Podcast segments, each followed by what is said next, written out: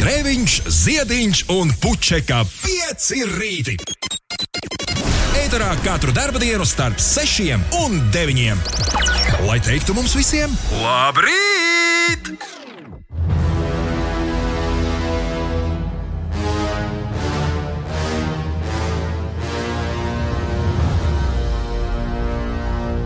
O, deja vu, o, deja vu. Labrīt! Labrīt! Ir, ir pamatīgs deja vu. Ir uh, tāda pati sajūta, kāda bija pirms nedēļas. Kur ir ceturtdiena, ko lūdzu? Nu, pēc manas rēķina šodien jābūt. Pēc sajūtu rēķina arī. Kāpēc, kāpēc ir trešdiena? Kas te notiek? Bet labi, labi, labi. labi, labi. Patiesībā mums jābūt laimīgiem, ka mēs neesam ierauti murkšķu dienas ritulī un nav šodien atkal 2. februāris. Kaut jāatzīst, ka dažas nianses būs stipri līdzīgas tam, kā norisinājās raidījums pirms, uh, pirms 24 stundām. Bet varbūt tiksim līdz tam, un tad, un tad. Ir 5 minūtes pārpusdienas, 6. ir trešdiena, 3. februāris. Labrīt, kur tad Ineses uh, nozīmēs? Viņa pie zobārsta. Joprojām! Pēdējais, kad no viņas dzirdējām, bija došanās pie zobārsta. No, Haidī. Es laboju jau gandrīz 24 stundas zobā. Zobā Inesēji. Inesēji muti. Traks var, traks var palikt ir uh, pienācis brīdis mums klausīties uh, ļoti agrīnus Kings of Leon. Jā. Man liekas, ka tā galīgi nav tā sliktākā doma. Atklāt šorīt ar agrīniem Kings of Leon. Re... Tas nav Sex on Fire, vēl, vēl kaut kas sanāks. Jā, jā, jā. Šito tu nemaz dzirdēsi nekad, nē. Paklausies par Moliju. Jā, oh. tad jau esi. Tad ir dzirdēts, jā. Ines, tu zini, kā sauc grupu, kas nu pats skanēja? Vai, vai mēs jau spēlējam laika mašīnu? Nē, Ulds gan zina. Ulds pat dziesmu zināja. Es joprojām esmu šokā, kā tas tā var būt. Ai, es klausos vienu radio, kurš ir tādu spēlē. Ah. Uh, nu, no darba brīvajā laikā, protams. Jā, jā, jā. Darba laikā tev pamīts dot, ja tu šādus klausītos. Uh, tie bija agrīnie Kings of Leon, Mūlijas Chambers. Astoņas minūtes pāri pusdienas sešiem ir pareizais laiks. Nu, kur tu, Ines, Ines tiešām pie zobārs tik ilgi bija? Nu, jā, aizkavējos mazliet. Šausmas. Ko tas šis teica? Nu, neko. Nē, viss jau bija kārtībā pie zobās. Šorīt man sanāca kaut kā muļķīgi. Nesapratāmies. Es sēdēju, gaidīju, kad kāds pados ziņu, ka ir izsūtīts links. Tas, tā ziņa nenāca. Tad es izdomāju, hm, varbūt jāpaskatās mēstulēs. Nu tā, intereses pēc. Un izrādās, tur mūsu links stāvēja jau sen. Bet pie zobārsta gāja ļoti labi. Šorīt vispār interesants rīts. Uldis man pamodināja 5.40. Gan drīz, jā, 36. Es 4.30. Laimīgi pamodos un domāju, ka tad nākamais moderatais bija 4.40. Un tā starp sapni un realitāti esot, es domāju, ka vajag kaut kādu mūziku no rīta paklausīties. Un tā tā mūzika, kuras uzlika, man arī jājāja tā, ka es pēc 5.20, kad beidzas modinātāji, atkal jau bija sapņos iekšā. Bet es esmu šodien arī šeit. ļoti nākamiegs. Es esmu ļoti labi izgulējies. Teorētiski es esmu ļoti labi izgulējies, jo es aizgāju gulēt pirms pulksten desmitiem, bet šis ir kārtējais pierādījums, ka no tam, cikos tu aizēji gulēt, nav nekāda sakara ar to, vai, vai tev nav risks aizgulēties.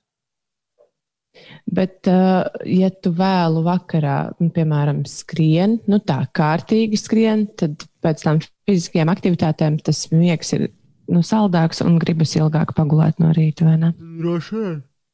Atcerieties, ka Ulas kaut kad stāstīja. Man katrā ziņā tā ir. Ulas kaut kad stāstīja, ka sportisti taču vispār tur guļot. Oi, 14 stundas.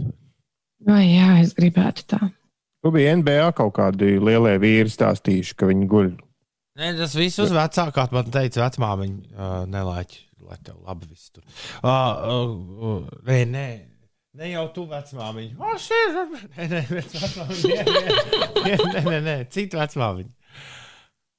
Ko tā vecmāmiņa teica? Tā vecmāmiņa teica šādi. Viņa teica, tas viss uz vecāku rēķinu. Vecāki, Vecāku? jā, vecāki neveda mūs visu bērnību, ja piecos no rīta uz treniņiem. Mēs nekļuvām par atlētiem, par profesionāliem sportistiem.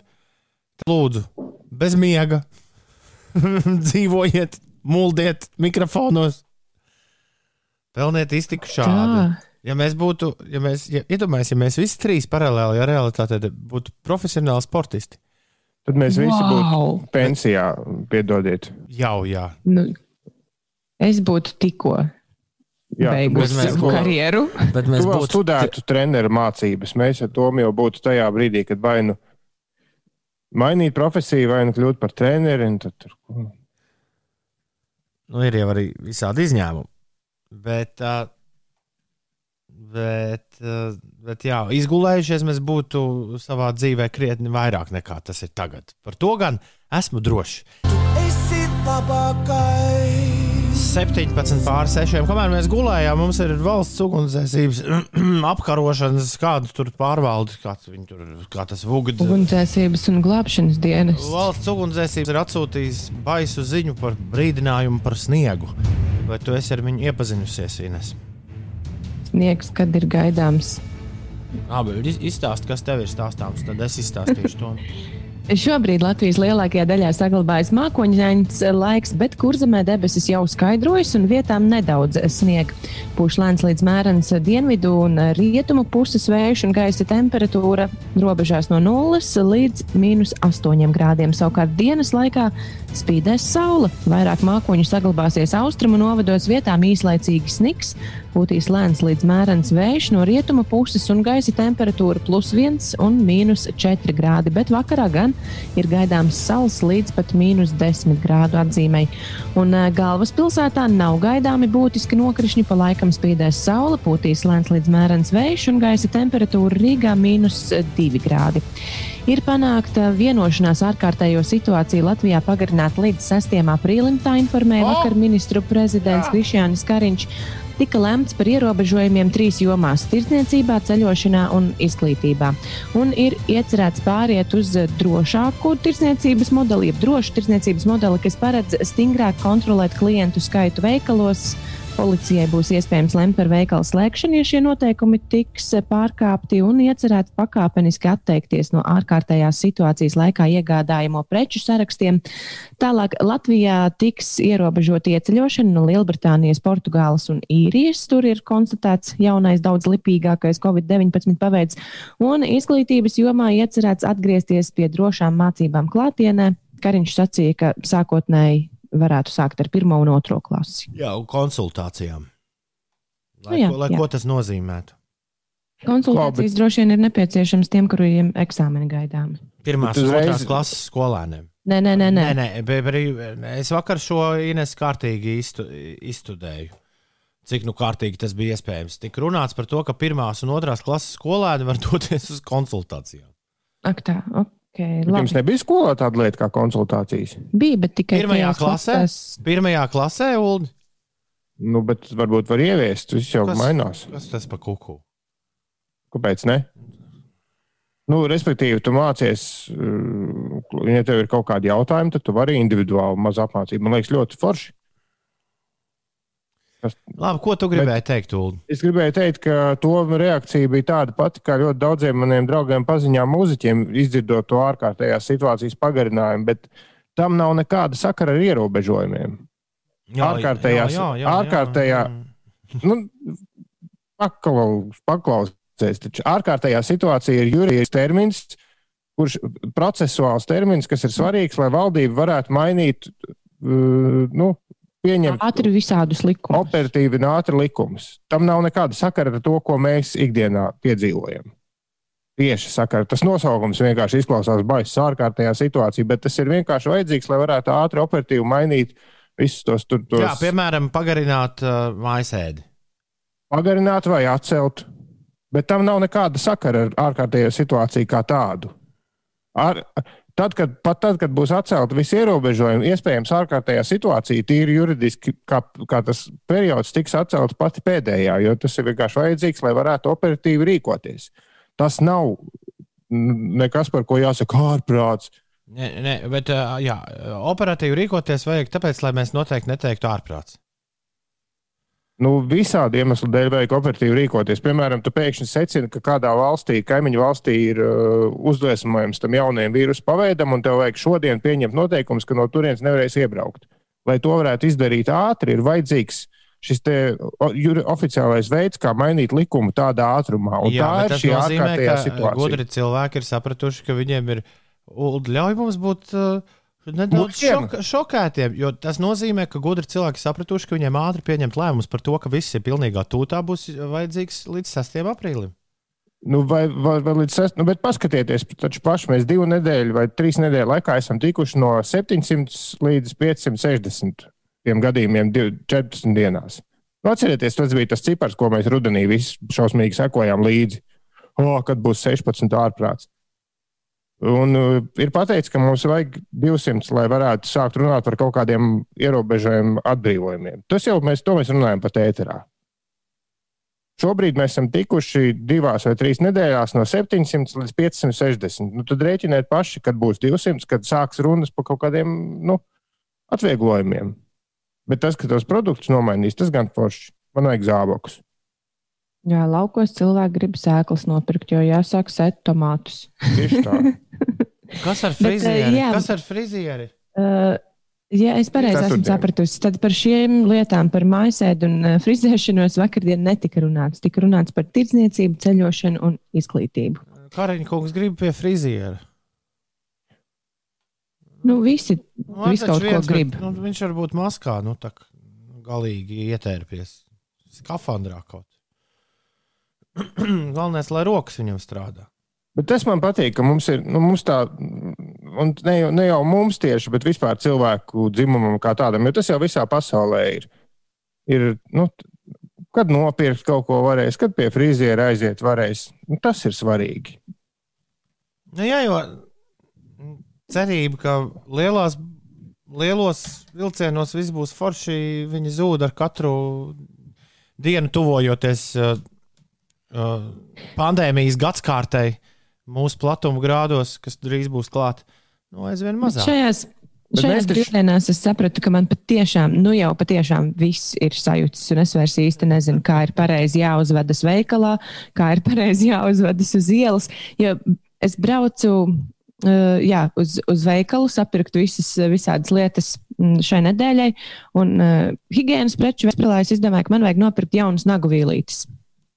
Ko man neļāva uz vietas pirkt. Teica, ka tikai internetā. Man liekas, ka to Domāju. var nopirkt tajā, nu, tajā veikalā, kur visādas kosmētikas pārdod. Bet Nu, taču es, tajā arī, es tajā arī biju. Ā, Tur man teica, ka ne tikai, tikai internetā. Tad es domāju, ah, nu labi, nevajag, jo man nemaz tās nagu vīlītes tik ļoti. Un tad es iegāju pārtikas veikalā, kas turpat bija. Tur tās nagu vīlītes varēja nopirkt, bet man tās nepatika, un es nenopirku. Un tad es nevarēju saprast, kā vienā var, otrā nevar. Un, un jāpasūta internetā. Es sapratu, vienkārši labāk nerādīties tajos veikalos un tiešām pirkt tikai pārtiku un pat uz citām lietām pat neskatīties. Šobrīd tā ir. Jā. Bet mēs taču pagājušajā gadā gudri vīri, lielākie pasaules koncertu organizatori, cilvēki, kas nopelnījuši tur miljoniem, miljardiem, pateica uzreiz, tā mēs sarēķinājām, 22. gada vasarā varētu kaut kas atsākties. Viņi pateica sākumā, viņi par, div, sākumā viņi par 21. gadu rudeni. Nē, es tev sūtīju, tas tur koncertu vīrs, ko satiku, uzreiz teica, ka viņi pareiķinājuši Amerikā 21. vēl nebūs, 22. varētu būt. Nu, tas ir par mūsu izklaides industrijas tādu pilnīgu, nu, kad būs lielie stadioni, koncerti un tā tālāk. Es ceļ, ceru, ka ceļošanas industrija atsāksies ātrāk. Zini, kas ir ļoti veselīgi. Mums šodien, piemēram, eh, tā kā cilvēks bija ļoti optimistisks, tad to var arī tādu jautru balstu teikt. Šodien mēs eh, dosimies apglabāt vienu mūsu radio kolēģi, vecu, nu, vecu gan gados kungu, bet pirmdien bija vesels, ceturtdien gatavs. pirmdien ielika slimnīcā, ļoti jautrā noskaņojumā, vīrus četrās dienās izdarīja savu darbiņu. Šādas lietas ļoti atsvaidzina, un tad negribas mūldēt par frīzieriem vai ko tur. So come and get it! Jau otro reizi rūtīši ir atnesuši disciņu. Maitas gabali tādi. Hmm, Neizskatījās, gan, ka šoreiz kāds par to pārdzīvot. Uz disciņu, uz kura rakstīts, ka šito drīkst spēlēt par radio. Mhm. Noteikti. Bet tā dziesma jau vispār ļoti nu, atbilstoša laikam, kā viņš tur dzied. Uh, nenāc man klāt, jo esmu bīstams. For distance, because I'm a dangerous. Freds Dārsts kopā ar mūsu tautieti DJ Letālu. Viņu uzvārds arī nav jācenzē. Freds Šmērsts ar uh, mūsu tautieti DJ Letālu Limp Biscuit. Tad jau varbūt arī grupas nosaukums ir jācenzē. Ai, jau, jā, nu, jau nesaprotu, kā, kaut kā- kā varēja šito palaist gaisā. Jā, es, es arī nesaprotu. Var, Kaut kā varbūt brīdināt iepriekš, jā, vajadzētu cilvēkus, re, kur Aldim gandrīz kafiju izlījusi izdzirdot šo dziesmu. nu, dažreiz, dažreiz pārsteigumus jūs saņemat. Ceru, ka tos arī Nē, nu, man novērtējat. patika, nebija jau slikti. Tāda enerģiska tā dziesma. Labrīt, Rīga, labrīt, Latvija, labrīt, pasaule. Ir pusseptiņi jau. Novēlu nevienam šodien neaizgulēties.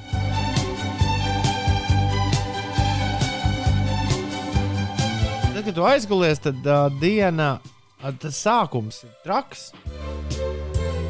Bet tu labi zini, ka diena būs lieliska. Tāpēc, ka būs tāds, oh, ļoti viegli, ļoti viegli sajūta cauri visai dienai. Un par to gan ir prieciņš. Sliktajai meitenei šī nedēļa ir katastrofa, viņa raksta. Bet visam kroni uzlika, ka saplīs matu gumiju un izrādās nav rezerves. Labi, ka kolēģis no noliktavas pasmējās par mani un piedāvāja rīt paņemt līdzi meitas gumiju. Šodien mati plīvos, lai visiem pozitīva diena. Šodien ik viens var gaviļnieci apsveikt, Jā, mēs noteikti Katrīnu pieliksim pie jubilāriem, ja tas vēl nav izdarīts. Mums Katrīna patīk, un viss ar Katrīnu Dimantu ir kārtībā. Tā. Jūlijas komentē to, ka es Ulim teicu, Ines, pašā raidījuma sākumā, ka es nesaprotu, kāpēc šodien nav ceturtdiena. Jūlijas raksta, vēl jau nav diena, ir rīts, atnāks diena, varbūt būs pat piekdiena. Hmm.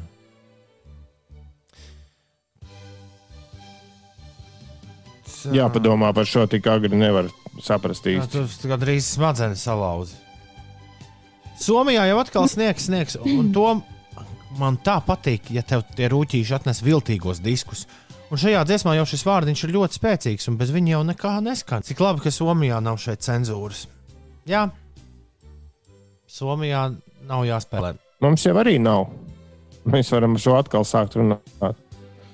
Latvijā visur taču ir cenzūra aizliegta. Ines tā nopūtās, Oh. oh. to šis būs uz ilgu laiku. Nu, jā, bet, bet tā ir. Mums satvērsmē ir rakstīts, ka cenzūra ir aizliegta. Tev ir ētikas noteikumos rakstīts, ka līdz desmitiem vakarā, no septiņiem rītā laikam līdz desmitiem vakarā. Vēl nav Nu, Tad vēl rītā. pusstundu mēs varam darīt, ko gribam. Bet, ja vēl kādu reizi jums ienāk prātā par šo lietu diskutēt, varbūt tajā reizē ierakstam un, un palaižam ēterā. Nu, vēlreiz to pašu nevajadzēs enerģiju. Un tev ir darba ētikas pienākumos ierakstīts, ka nedrīkst ja, kaut ko, kas neatbilst pieklājības normām, spēlēt par radio. Jā, bet tur ir rakstīts arī, ka nedrīkst mūzikas un mākslas darbus cenzēt. Nu, tad ej strīdies tur pie tiem, Nu, kas to ir kas- ierakstījuši.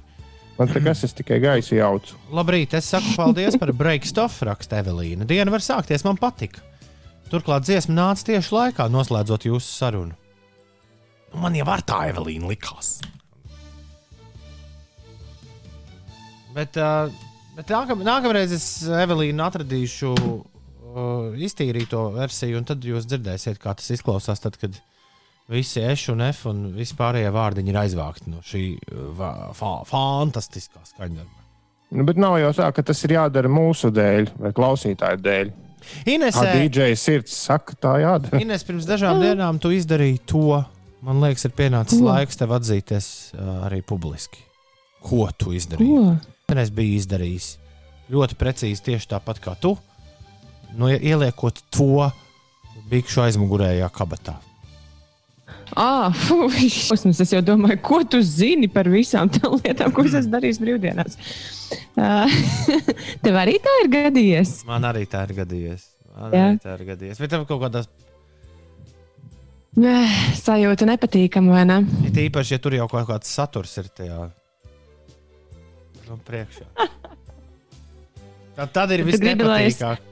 Bet tu gribi, lai es tagad izstāstīju. Nu, stāsti gan, jā. Nu, es tiešām domāju, ka ar mani tā nekad neatgadīsies, un man likās, ka nu, tas vispār ir gandrīz neiespējami, ka tā notiek. Bet, diemžēl, nē. Es, uh, man bija vairākas lietas jānes uz mašīnu, rokas pilnas, un kaut kur bija jānoliek telefons. Un Ko es izdomāju? Skaidrs, ka telefonu var ielikt džinsu aizmugurējā kabatā. Tad, kad jau visas mantas bija sanestas uz mašīnu, tad vajadzēja nu, sirsniņa mājiņā aiziet. Un cirstiņa mājiņā es dzirdēju tādu plunkšu. Pirms procesa sākuma. Nu, Jā. jā, jā, jā. jā. Man, nu, Un tas izrādās bija mans telefons, kas bija trāpījis tieši podā. Es domāju, ka tās, ka tās ir pilnīgas muļķības. Daudz cilvēku ir teikuši, o, iekrita telefons podā. Un man liekas, nu, kā tā var būt? Nu, vai tu tiešām nezini, ka tev telefons ir bikšu kabatā, un vai tad tiešām tas telefons tik precīzi krīt? Izrādās, jā. Tu pieminēji sirsniņu mājiņu, un man uzreiz uzbūrās skats ar sauso toleti. À, nu, nē, tā nebija tāda. Nē, Ied- Iedomājieties, kas notiek, ja tur ielidina mobilo telefonu. Tur jau, man liekas, ar galiem. Tur. Jā, nu, es. Kāpēc? Es, es, es, noteikti, do, es noteikti domātu par veidu, kā viņu meklēt rokā. ir lāpstu. Kaut vai. Bet, uh, jā, es savēju, nu, pal paliku izlietnē zem, zem ūdens un mazgāju, un pēc tam rīsu paciņā turēju. Es nezinu, vai tas kaut ko deva vai nedeva. Nu, tu Uldis tūlīt nosirmos. Pie Piecus, Bet, ā, piecus gadus tu strādā ar viņu kopā un rīsos telefonu lietas. Nu, Ines. Nu, kur tad man nu, vajadzēja likt? Man viņš, piemēram, nav attaisāms vaļā. Es nevaru izņemt ārā bateriju un izžāvēt. Uz uh, radiatoru šajos laiko, šajā laikā, šajā gada laikā ļoti laba ideja. ir. nē, reiz par visām reizēm. Rī, nē, rīsu metode strādā, bet tā strādā tikai tāpēc, ka cilvēks, kurš ieliek to telefonu rīsos, viņu vienkārši neaiztiek un atstāja mierā uz kādu brīdi. Jā, nu man, nu es varbūt piecas minūtes atstāju mierā, jo man bija jāskrien. Man bija vajadzīgs telefons. Piecās minūtēs pat stiprākie rīsi neko neizdarīs. Tu domā, tie, kas ir tajā Japāņu, no, no, tie, no kuriem Japāņi to dzērienu dzen, ja? Jā. Nu jā, un tad sanāk, tagad tā vakardien es eh, pieslēdzu telefonu pie lādētāja, jo bija diezgan maz palikuši procenti, un tas uzlādēja līdz 34% tikai. Un es domāju, nu viss, šorīt celšos augšā un pilnīgi visas bildes un visu saglabāšu datorā, visu, visu, kas man telefonā ir. Bet tad es izdomāju restartēt. Restartēju, un vakar rādīja 92% uz bateriju pēkšņi. Es nevaru saprast, kāpēc tā. Nu, un uh, tev bija kaut kādas uzlādes problēmas, nu pat tu to secināji. Nu, jā, jā, tas bija vakardien vakarā. Es, Tu teici, ā, 92% rādīja, bet mums tur rakstīja, ka pēkšņi viņš pārleca uz 30 cik tur procentiem. Nē, nē, nē. Man vakar, vakarā lādēja līdz 34%. Un tad man apnika turēt pie vada viņu, uzliku modinātājus un izdomāju, varbūt vajag restartēt. Restartēju, un tad uzreiz pēkšņi tšu, 92%. Es būšu tūdaļ nodzīvojis divus gadus ar tajā laikā uh, ņemtu bezgalīgi dārgu, pēc manām domām, Android telefonu. Un jāsaka, man ir tāda sajūta dzīvē ar Androidiem. uh, radusies nereiz vien, ka viņš pats kaut kādā veidā sevi doktorē.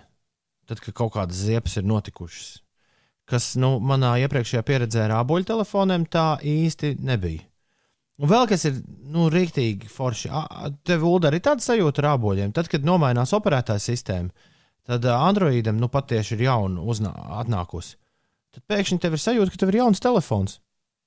Jo dizainiski ir ļoti daudz izmaiņas veiktas, un tās galīgi nav uz slikto pusi.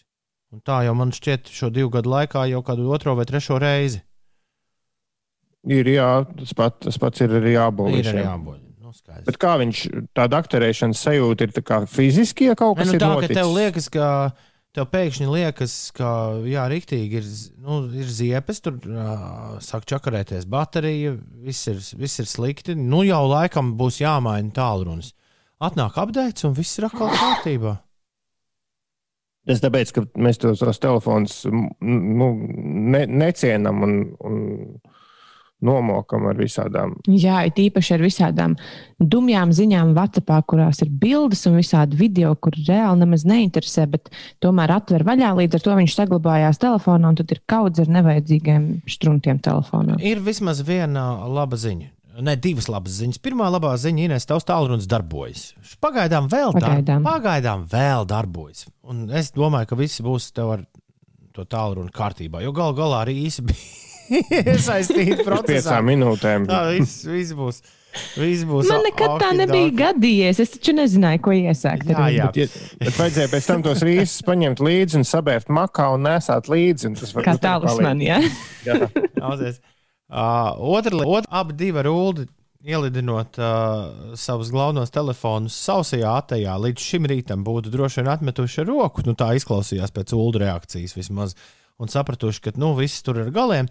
Tad uh, nāk, nākamreiz, ja tā kādreiz atgadīsies, tu jūs zināsiet, ka tik traki nav. Jo veseli divi klausītāji mums raksta par savu pieredzi ar sausajām toaletēm. Mans raksta tieši tā gadījās manai mammai ļoti daudzus gadus atpakaļ ar veco 3310 šmokiju. Telefons iekrita laukos sausajā toaletē, tas bija ekstrēmi, bet telefons tika izvilkts, sakopts un bija lietojams. Uh, Droši vien pirmās dienas tikai tā dīvaini, reiz, kad tev kāds zvana. Bet uh, vēl kāds mums raksta, ka nav ar galiem. Var izķeksēt ārā, tik vajag laiku. Bet tas skats ir labs, kā viņš tā lēnām iegrimst tur iekšā. Tajā visā. Nu, skaidrs. Un Iveta no ērgļiem saka, lai tu Vācijā noņem bilžu uh, saglabāšanu. Jā, bet tad kāds uztaisīs kaut kādu jaunu supergrupas čatu, un tur par jaunu, nu, katram tas jādara atsevišķi. Un ir reizēm tā, ka tev pamostas kaut kāds vecs čats, un, un sagrūž tev tur kāds kolēģis piekdienas naktī, kāds 18 video, un tad ej, dzēs visus. un tīri. Oh. 6,41 ir pareizais laiks. Inesē, kas notiek?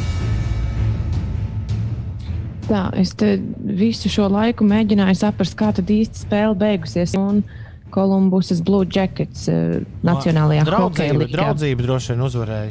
Nē, nē, nē, tur nav nekāda draudzība bijusi. Tur um, 6-3. tātad Blue, Blue Jackets, jā, vārtos. Uh, pašās beigās, nu, negluži pašās beigās, spēles pusē tika ielikts Elvis.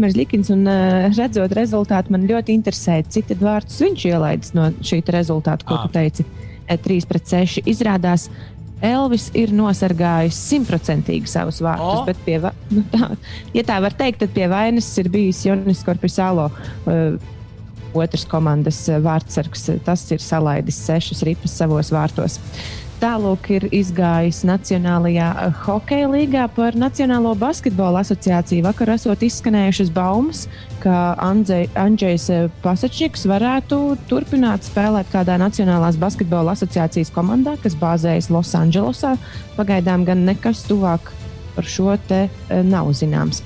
Tālāk par citiem jaunumiem. Iepriekš es stāstīju par par uh, ārkārtējās situācijas pagarināšanu un visādām lietām, kas vēl mainās ar to, tad šodien stājas spēkā prasība sejas vairogus vairs neklasificēt kā mutes un deguna aizsegus. Tādēļ, ja jūs nesājat sejas vairogu, tad obligāti tam klāt ir jānēsā arī sejas maska. Oi, daudz cilvēku būs šokā, jo es tādus t- ļoti daudz redzu.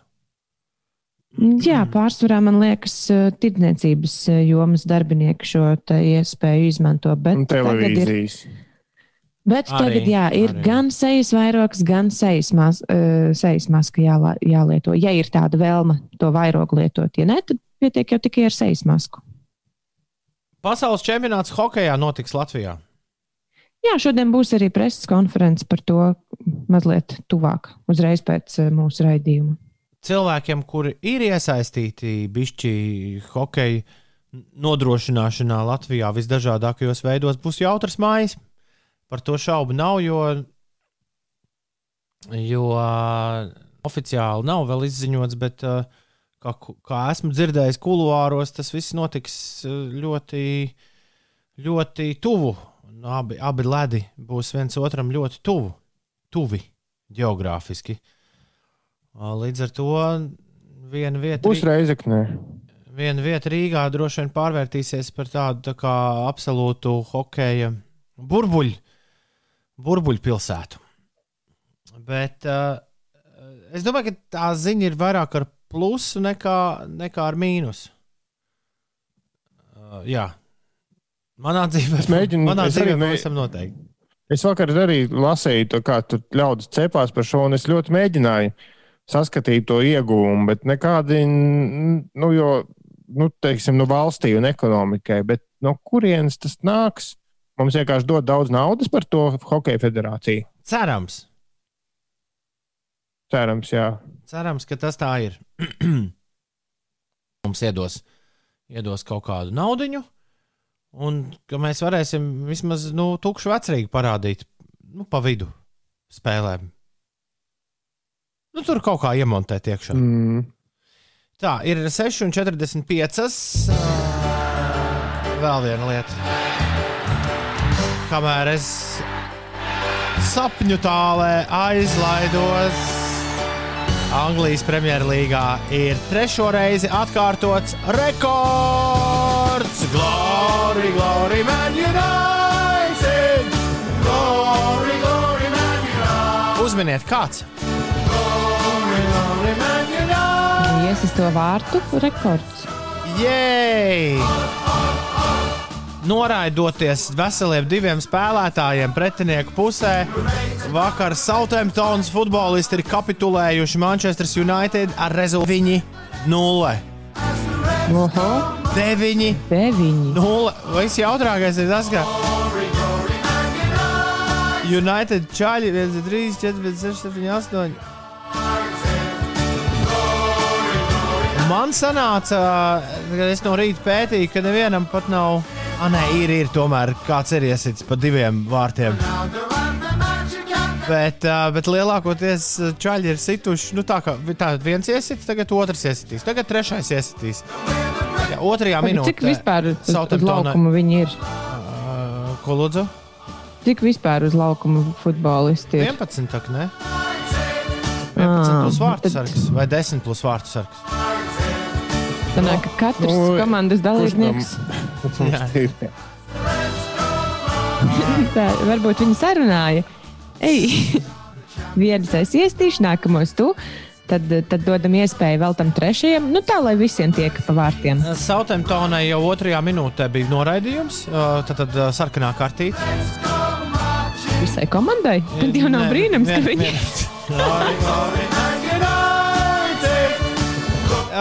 United ir atkārtojuši pašu savu uh, jā, Premjerlīgas rekordu 9-0. 95. gadā viņi arī Ipsvičas pilsētu šādu apspēlējuši. Uh, savukārt uh, Southampton otrais šādu dabūjusi pa biksēm, jo pirms diviem gadiem, 2019. gadā, Leicester City arī ir viņus apspēlējuši ar 9 pret 0. Nu, gaidā varbūt kādreiz būs 10-0 arī dzēna. Ah, Bet es būtu dusmīgs īstenībā Manchester spēlētāju vietā uz mums. Kāpēc? Jo, jo kur bija šis atbalsts tad, kad viņi tikko pazaudēja līgas absolūti vājākajai komandai? Nu, kur bija šāda rubrika un pateikt, ka mēs ar jums priegos un bēdās? Jo tā bija Ines. Viņi tikko zaudēja visu, visu pašai, pašai pēdējai. Sheffieldas United. Jā, Bet, Ulu, tā ir visklasiskākā fanu izpausme. Tad, kad tava komanda zaudē, tad viņi ir slikti un vispār miskastē izmetami un kā tā vispār var. Bet tik līdz uzvar tā, jā, tie ir mūsējie, es zināju. Man eh, tā angļu radio, ko es reizēm klausos, izdarīja lieliski. Viņiem ir Reizēm? viens, eh, viens video, video. Nu, jā, reizēm es klausos podkāstus ļoti daudz. Bet viņiem ir viens video cilvēks, kurš ir eh, kaislīgs Manchester United fans. Un viņi rudenī, tad, kad kaut kādus vairākus mēnešus Manchester nu, vispār bija pilnīgā miskastē, viņi ierakstīja visu, ko viņš teica. Jo viņš teica, ka vajag atlaist menedžeri un spēlētājs tur kaut kāds tur nekam neder. Viņi to visu ierakstīja, un viņi tagad viņam to atskaņo. Viņa paša teikto. Viņš gan saka, nu, nu te varbūt tas nebija es noteikti. Jo viņš, viņš teica, ka viņš vispār atteiksies un panos par kaut kādas citas līgas, vienu komandu. Jā, un to sarkano kraklu iemetīs grūžu kastē. Nē, nē, viss, nē, viss labi. Nu, jā, otrā vieta līgā ir. Nu, kurienes tā Manchester City šī tā uzlec pēkšņi? Viņi vienkārši labi spēlē. Vienmēr, vienmēr ir labi spēlējuši. Nekad tas nav mainījies. Martai atkal ir dzimšanas diena. Jā, viņai bija jau vakar un būs arī šodien. Ir šodien. Arī tā arī. Murkšķa diena. Gatavā. Daudz laimes dzimšanas dienā, Marta Grīgālē. Tā bija Marta ar atkal tu. Tavā rīta radio. Izrādās, ka Ulas vakar ir dzīvojis trešdienā. Jā, līdz pat astoņiem, un es pat, pat ziņu par murkšķa dienu es biju uzrakstījis sākumā ar tekstu, kaut kā mēs vakar palaidām garām to, ka ir murkšķa diena. Tas bija vakar, es tā rakstīju. Un tad kaut kā raidījuma beigās es sapratu, ka, ah, nē, pareizi, pagaidi, pagaidi, pagaidi. Tas taču ir šodien, bet par dzimšanas dienām es to sapratu tikai vēlā pēcpusdienā, kad uh, Ines atrakstīja, ka mēs esam Mārtu un Vēntu Armandu Krauklus veikuši avansā. Abiem diviem viņiem ir tikai rītdienas dzimšana. Tas ir šodien. Šodien. šodien. Nu, varam arī rīt. Kāpēc Vēns Armāns Krauklis mums neatrakstīja? Mārta mums atrakstīja. Mārta man, Nē, es Martu. Mārta man privāti rakstīja. Jā. Jā, es Martu sveicu arī privāti, un, un viņa teica, ka mēs esam visi sajaukuši. Es teicu, bet kā? Tev Instagramā ir kūkas. 3. februāris. Nu, mēģināsim turpmāk atcerēties. Kaut gan noteikti šis lāsts būs arī nākamgad, jo scenāriju jau Nē, nebūs, nebūs. Nē, nē, scenārijs jau ir izlabots, bet es varu izstāstīt, kā tas notika, ja mums ir laiks, kā, protams, nav. Bet šorīt mēs Bīstam- vispār nespēlējam mūziku, tā kā droši.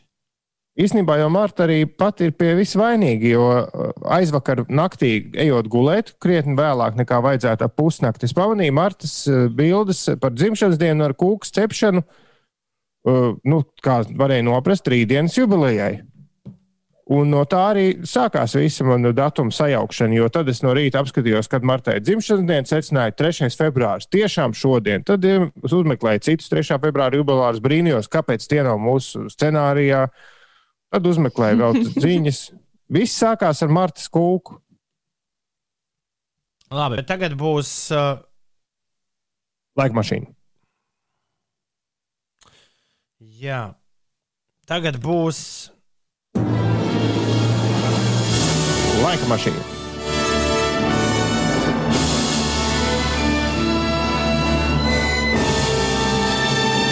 Vēl šķiet, ne reizi šonadēļ nav pieņemts. Nu, bišķiņi tur bija paga- vakar no rīta ar, ar, ar mūziķu, kur sauc par touchdownu. Uh, jā, uh, tā kārtīgi nav pieminēts Superbowls, kurš tuvojas. Svētdien būs klāt. Superbowls, Bowls 55. Kansas City Chiefs pret Tampa Bay Buccaneers sacensties. Reklāmas tiks rādītas. Un uh, pirmo reizi tukšā stadionā amerikāņu futbola sezonas uh, izcilākā komanda tiks noskaidrota vienā lielā mačā. The Weekend šogad spēlēs leģendāro halftime show, iepriecinās ar muziciņu. Un gan jau, ka bez skatītājiem tur būs, tur var pilnīgi, es domāju, visādus brīnumus uh, sataisīt. Bet uh, no aizvadīto gadu tiem halftime šoviem, ja man tā uzreiz liek kādu atcerēties, kas ļoti ir iespiedies atmiņā, prātā nāk vīrs, kurš šorīt ir paslēpies laika mašīnā un bez šazamiem un soundhoundiem, es lūdzu jums viņu identificēt. Kas tas ir? Nē, šo es biju palaidis garām. Uldim būs jāpārbauda, vai tā ir taisnība. Mārtiņš saka, ka būs 22,000 skatītāju, 30% no tā, cik var dabūt stadionā iekšā Superbowl uh, naktī no svētdienas uz pirmdienu. Vai pat tiešām viņi ir šādas lietas sakārtojuši? Izklausās absolūti neticami. Nu, kas tas bija, ko mēs dzirdējām, Ines? Tas bija Bruno Mars. Uldi, kas tas bija, ko mēs dzirdējām? Man arī bija doma par Bruno Marsu. Bet es, es, tas ir no desmit gadus, kad es neklausījos mūziku. Līdz ar to mīnu. Tas ir Bruno Mars.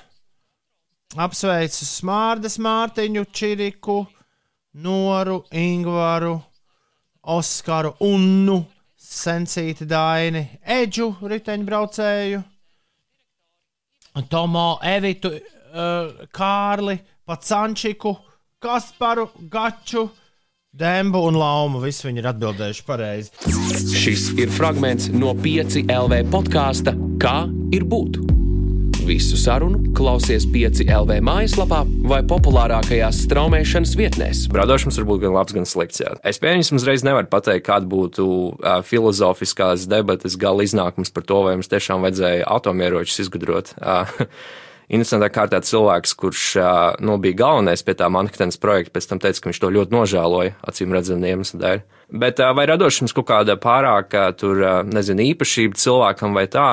Nu, gan jau, ka ir, jā, jo tie cilvēki, kur ir tie radošākie, viņi nu, tur nonāk vēstures grāmatās, ja tas interesē kādam, vai arī vienkārši viņi pelna visdrīzāk daudz. Būt ir visādi. Trauksmaini, cerīgi, dīvaini, juceklīgi un ļoti skaisti. Sarunas par būšanu klausies podkāstā Kā ir būt. Jauna epizode katru pirmdienu, 5 LV mājaslapā un populārākajās straumēšanas vietnēs. 5 LV. Uzgriez! 5 LV. Uzgriez un ir! Labu rītu, saka saule, labu rītu, šalko vējš. Labu rītu, saka arī Uldis un Inese. Labrīt! Labrīt! Labrīt! Katrs savā mājās un viena muta pilna. Ko tad, Jā, Kuram? ko tad uz stūmi iekšā, Uldi, šorīt? neko. Nemelo. Nemelo. Kas uz maizītes virsū? Nekas. Nemelo. Nopietni. Man gan bija maizīte ar uh, mozzarella sieru. To es paspēju apēst ziņu laikā. Ļoti labi. Ļoti labi, ļoti labi. Jau otro rītu Blatīns raksta, ka viņš ceļas sešos. Tas ir traki. Ja pēdējos divus mēnešus cēlos, cikos gribu, nu jau esmu pie Dobeles ceļā uz Turlavu. Beidzot, atpakaļ Strojka Life. Ar to mēs tevi arī Blatīni apsveicam, jo tu izklausies gana, gana priecīgs.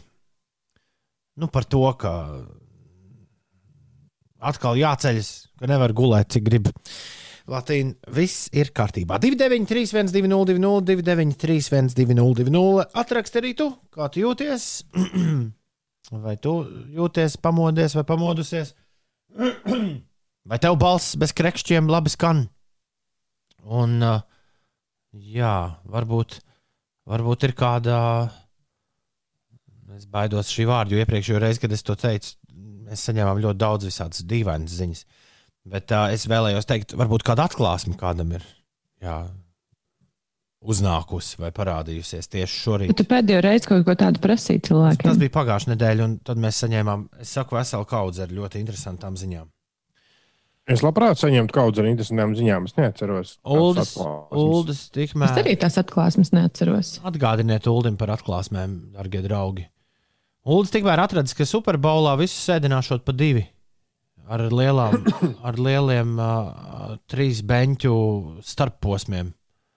Tas bija piemērs, bet jā, viņi pirmkārt no tiem 22,000 viesu, uh, 7,5 tūkstoši būs vakcinēti ārsti nu, no medicīnas nozares. Viņi tā kā ir ielūgti uz Jā, Superbowlu. viņi ir ielūgti. Jā, okay. 14,500 ir pārdotās biļetes, un viņi mēģinās tāpat kā visu sezonu, esot bijis, kad fanu pods tā viņi to, ja fanu podi. Nu, ja pareizāk sakot, nu, tādas kā, tādas kā nu, ložiņas mazas Ah, katrai grupiņai, vai ģimenei, vai pārim. Vai... Skaidrs. Es ar lielu nepacietību, es ar lielu nepacietību gaidu svētdienas nakti, bet kāpēc to, uh, par, par to parunāsim tad, kad pietuvosies vēl bišķi Superbols, jo līdz tam vēl ir laiks. Uh, Jaudi, Šis ir um, Latvijas Superbowls. kurš ir? Superbowls LV. Kas tas tāds? Nu kā, nu šis ir Superbowl LV. Kas Pats teici. Kas ir? Ah, jā, pareizi. Nu kā, katru reizi Romiešu Superbowlam cipari, ir romiešu cipari. Jā, jā. romiešu cipari, un šogad ir LV.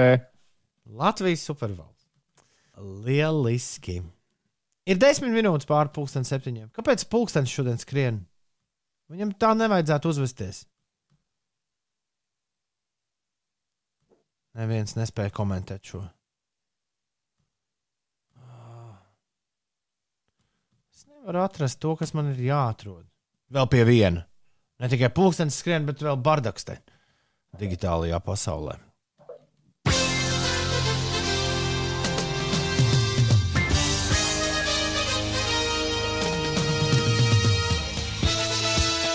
Ir 11 minūtes pārpusdienas septiņiem. Labrīt, cēlies augšā! Šodien ir trešdiena, 3. februāris. Aida, Ida un Vida atzīmē vārdu svētkus. Latviešu solistei, dziedātājai Martai Grigalai šodien patiešām ir dzimšanas diena. Šodien patiešām dzimšanas diena ir latviešu mūziķim no bumerāngu un politiķim Ventam Armandam Krauklim. Katrīnai Dimantai šodien dzimšanas diena ar ārzemniekiem viņa bijusi uz Eirovīzijas skatuves un vairāk kārt mēģinājusi arī pati tur nokļūt kā solo mākslinieca. Katrīna, daudz laimes tev! Verai Brežņevai, Ukrāņu krievu popdziedātājai, daudz laimes! Dadijam Jankī! Uh, amerikāņu, portorikāņu dziesminiekam, reperim, aktierim un ierakstu producentam dzimšanas diena. Un Vorviks Deivis un Amāla Klūnijas viņa dzimšanas diena. Amāla Klūnija ir slavena juriste. Voriks Deivis ir uh, slavens angļu aktieris un raidījuma vadītājs. Holivudas aktieris ir. Amāla Klūnija ir uh, uh, Džordža Klūnijas sieva. Laikam, jā. Nu, ir, ir, ir, jā, vienkārši. Nu, kas vienkārši? Nē, nu, kaut kā, kāpēc to tā uzsvērt? Kam vakar bija dzimšanas diena? Ja visiem, kuriem ir šodien, ir dzimšanas dienas. Kā, kas bija vakar, tas bija vakar. Nē, viss pārējie bija pareizi. Tikai Vents Armāns Krauklis un Marta Grigala bija no šodienas iezagušies. Rodījis raksta, ka šorīt valdes bauda Dubajas sauli un izpildot viņa rīkojumu, klausās PCLV. Dub, mums taču bija ziņas, ka Dubajas Dubajā viss tā, ka Dubajā viss taisa ciet. Nu, gluži visu nē, bet bārus un kaut kādus nakts klubus, ja? Tos gan. Bet vai tas nav noticis šodien vai vakar? Tas gan ietekmē laikam tikai turistus, jo man šķiet, ka tur bija vietēji jau nu, tikai ļoti slēgtās. Tā, nu, Rodījis raksta, izmantojot uh, savu senu klausītāju statusu, es vēlos ar PCLV starpniecību sveikt šo Dubajas saules baudītāju. Savu draugu bosu valdes purtu 40. dzimšanas dienā ar viņa pirmo radio apsveikumu. Lai gan valdes bija ieplānojis mega dzīves, tomēr tās izjauca Covid-19 pandēmija. Nu, nekas, Jā, nu visi bija ieplānojuši dzīves. Jā. Mēs visi, vecais labais teiciens, mēs visi šajā esam kopā. Tikai sēžam mājās atsevišķi. ha, ha, ha. Eju, kur ir pazudis jūsu pastāvīgais rakstnieks? Aizmirst, kā sauc Arnolds laikam. Tā varētu būt laba kliķa, laba iesauka Alfredam. Arnolds. Bet Alfreds, Alfreds Alfreds Arnolds, atraksta, jā. man liekas, Alfredam nav katru dienu šāds no rīta. Viņš atraksta, man liekas, Tad katru, viņš atraksta. katru otro dienu. Un viņš man personīgi ir sācis rakstīt ļoti daudz brīvdienās Facebook. Jā, viņš arī tago visādos Facebook rakstiņos cilvēkus. Okay, okay. Mm, ā, Labrīt! Šorīt dušojoties, domāju, Kristi raksta, korejiešu burkāni. No kurienes te nāk no Ziemeļkorejas vai Dienvidkorejas? Jā, par ko gan dušās neaizdomājamies? Tas par atklāsmēm. Šīs ir tās atklāsmes. Jā. labi, dodiet tik vēl. Iveta, Es ceru, ka tas esot, ir- Iveta esot klā, a- atklāsim, ka Kalvīts kaut ko teicis par skatītājiem hokeja. Es par to dzirdu pirmo reizi. Nu, viņš teica, ka skatīsies, kāda būs situācija martā, un tad, tad arī spriedīs. Tā viņš tur teica. Ārnis raksta dziesmas nosaukumu, joprojām neatradu. Jauku dienu. Par ko tu runā, Ārni? Par to WhatsApp ziņu, ko es jums vakar pārsūtīju. Ah, Pagaidiet, pie tā mēs vēl nonāksim. Ārni, tas stāv, mums ir tāda mapīte, kurā mums stāv tematiņi viens aiz otra salikti, par ko mēs no rīta runājam. Līdz tam mēs vēl nonāksim. Līdz tam vēl pagaidām nav īstais laiks. Tagad īstais laiks ir sumināt uh, pirmo reizi, jo kaut kā nav sanācis kopš piekdienas nevis sumināt, bet uh, īpaši izcelt celesti. 29. janvārī pagājušā piekdienā klajā nāca beidzot Celestes debijas albums Not Your Muse, kas ir absolūti brīnišķīgs. Uh, tikai ļoti savādu veidu tā izplatīšanai ir izvēlējušies. Uh, izvēlējušies Celestes izdevēji. Par to droši vien parunāsim kādu citu dienu, bet tagad no Not Your Muse piecēlē ēterā, lai skan The Promise. Šī ir Celeste 7,19. Labrīt! Avārija uz dienvidu tilta ziņo Andrejs virzienā uz pārdaugavu. Divi auto, bet jāvil, jālavierē starp mašīnām, fūrēm grūti izspraukties. Un jau esot lielum liels korķis. Paldies, Andrej, par šo ziņu. 7,26. Ines, kas vēl notiek? Jā, paturpinot eh, par Andreju ziņu un par situāciju uz autoceļiem, šobrīd Latvijā pilnīgi visi, gan reģionālie, gan arī valsts nozīmes autoceļi ir sniegoti un slideni. Jābūt eh, ļoti prātīgiem braucējiem. Tiesa Rīgas apkārtnē jau ceļu uzturētāji ceļus ir nu, pa pusē, varētu teikt, eh, notīrījuši, bet uh, lielākoties tie vēl joprojām ir slideni un sniegoti. Ir panākta vienošanās ārkārtējo situāciju Latvijā pagarināt līdz 6. aprīlim. Tas eh, vakar tika lemts un ir arī nu, dažas mazliet skaidrākas lietas, ka ir iecerēts pāriet uz drošu tirdzniecības modeli, kas paredzēs stingrāk kontrolēt klientu skaitu veikalos. Latvijā tiks ierobežota ieceļošana no Lielbritānijas, Portugāles un Īrijas, kurās ir konstatēts jaunais, daudz lipīgākais Covid-19 paveids, un izglītības jomā iecerēts atgriezties pie drošām mācībām klāt. Klātienē vispirms to varētu sākt darīt pirmo, otro klašu skolēni. Šodien stājas spēkā prasība sejas vairogus vairs neklasificēt kā mutes un deguna aizsegus, tādēļ vietās, kur noteikta obligāta sejas masku valkāšana, sejas vairogus varēs lietot tikai kombinācijā ar medicīnisko vai arī nemedicīnisko sejas masku.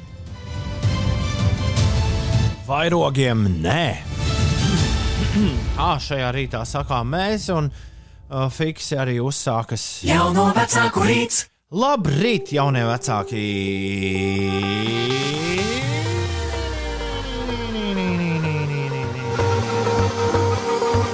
Visi stājamies uz līnijas. Kreisā roka augšā, labā roka augšā. Tagad rokas izstieptas un aiziet.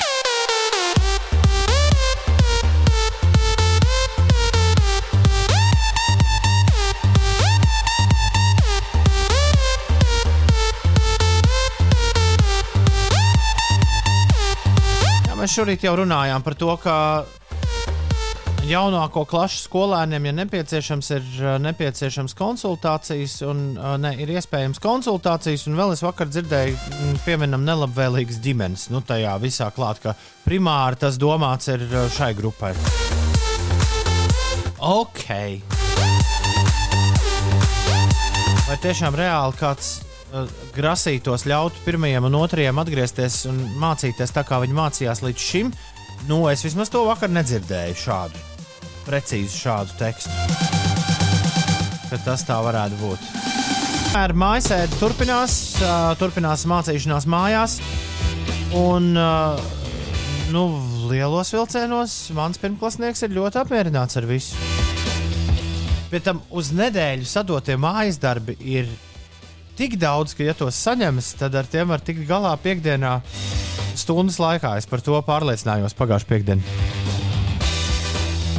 Kad jūs tā darāt, visu dienu, vienā dienā izpildat, un tad visu nedēļu Tagad ir otrādi. Ne, tagad doma ir, ka vi, es nepa, nepapētīju, cik tālu tas vakar bija. Iespējams, ka tas pārlikās uz šodien, bet doma bija otrādi. Tagad, tagad izdarīt visu, lai visu nedēļu pēc tam nav nekas jādara. Jo darbiņi jau ir sadoti. Un nu, tam, tam kopā ar to, jā, manējam ir apmēram divi zūmi dienā. Katrs nepilnu, es teiktu, nepilnu pusstundu garš. Ar dažiem dažādiem skolotājiem, ar visādām jautrībām, kuras ir iespēja dzirdēt vecākiem un pakluso klausoties to.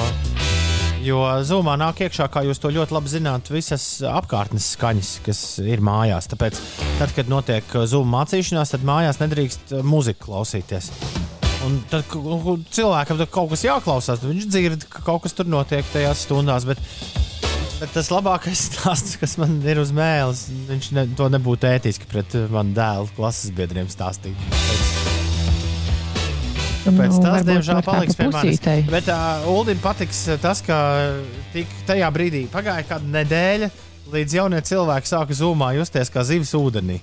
Un uh, tad viņi atklāja, protams, foniņus. Tā pirmā lieta, ko viņi atklāja, bija foniņi. Tad viņi atklāja visas tās uh, iespējas tur likt virsū ķīņķēziņus un, uh, un rūķu cepures un, uh, un ūsas. Kā rezultātā skolotājai uzsākot stundu, viņiem pretī stā, sēdēja desmit ķēmiņi. Visi apģērbājušies ar kaut Kāds kādiem es to vēl neesmu pat atklājusi. Ulu nodemonstrēja nesēji, par ko es šobrīd runāju. Jo mēs arī esam. Vai zūmā šobrīd tādas Zoom. iespējas ir? Yes, yes, yes, yes. Uldis tulīt. Uldis tev tulīt Es no parādīs. telefona to protu izdarīt. Skaties, nu, re, Nē, es nekad neesmu to darījis. Zumā. Uz- jau filtru. ne, uzliec sev bārdiņu. Tur vēl ir, vid... Tur vēl ir bārdiņš. Tev ir austiņas. Oh, šis ir otrs labākais. Es arī gribu tādu. Uldis Uldis šobrīd cepurītis sev sāk, sāk tāds ir mainīt. Nu, jā. O, kādas ūsas? Nē, šādas ūsiņas tev nepiestāvētu. Tad visai drīz skolā tika pieņemts, pieņemts lēmums, ka turpmāk stundas notiek tā. Es liekas, ka tas gan viņiem apnika, bet uh, tā doma bija tāda. Tā. Uh, tagad mums būs stunda, pusstunda, un tad es jūs atstāšu zūmā iekšā visas. Un jūs varēsiet mierīgi ar tiem filtriņiem izņemties, cik, cik nu vien jūs vēlaties. Un, un tad uh, vienā reizē jaunie cilvēki tik ļoti bija aizrāvušies ar saviem filtriņiem, ka bija jau pagājušas 40 minūtes kopš stundas sākuma, un es kļuvu ramīgs, kas tur notiek. Uh, vai tiešām turpinās stunda? Un es sapratu, ka jaunie cilvēki nav pamanījuši, ka stunda ir beigusies. Bet nu, tur ņemas visi viens ar otru. Un tad man liekas, ka kādā 45. minūtē no kādas meitenes ieskanējās: Klau, bet stunda taču ir beigusies! Un kas interesanti, viņi visi ļoti novērtēja tajā brīdī, kad šī atklāsme uzrādījās, ka, oh, vairs neviens viņus nepieskata. Uh, tad uh, viņi visi ļoti novērtē to, ka viņi var katrs atgriezties pie savām mājas lietām, kuras viņi mājās dara, un ka viņiem vairs nav jāsēž zūmā. Līdz ar to burtiski 20 sekundžu laikā bija labi, atā, čau! Jā, paldies! Gluži kā pieaugušie cilvēki. Gluži kā pieaugušie cilvēki. Kurš viņiem maksā par uh, Zoom? Skola. Skolai ir uh, piln tas. Nu, tur droši vien izglītības iestādēm ir kaut kādi gan jau ka pieejami piedāvājumi. Nē, nu man, Skaidrs. Es, man, man skola arī nav, uh, nav gluži parasta skola. Jā. Tā kā es pieļauju, ka tas, tas savā ziņā ir finansēts arī no, no, no, no, manis, no manis puses. Bet, um, bet jā, Zooms ir pieejams, darbojas un, un ir skaists Zoom stundu saraksts. Nu, viss vairāk man nekas īsti sakāms jau no vecāka rītā nav, ja vien jums nav kas jautājums, un ja vēl kāds kaut ko nereflektē. Izziņās, nē, izziņās viss mierīgi. Es- tur nekā Es nav. par tām mācībām klātienē. nu, Tad, jā, tā tad no 8. februāra 1. un 2. klase atsāk mācības klātienē. No nākamās pirmdienas. Un tās konsultācijas Vai tās tas ir tak- citām klasēm. À, nu tad es neesmu visu līdz galam vakar saklausījis. Tad no 8. februāra jaunie cilvēki, tad no, no nākamās pirmdienas šie ir apakaļ skolā. Jā, Wow!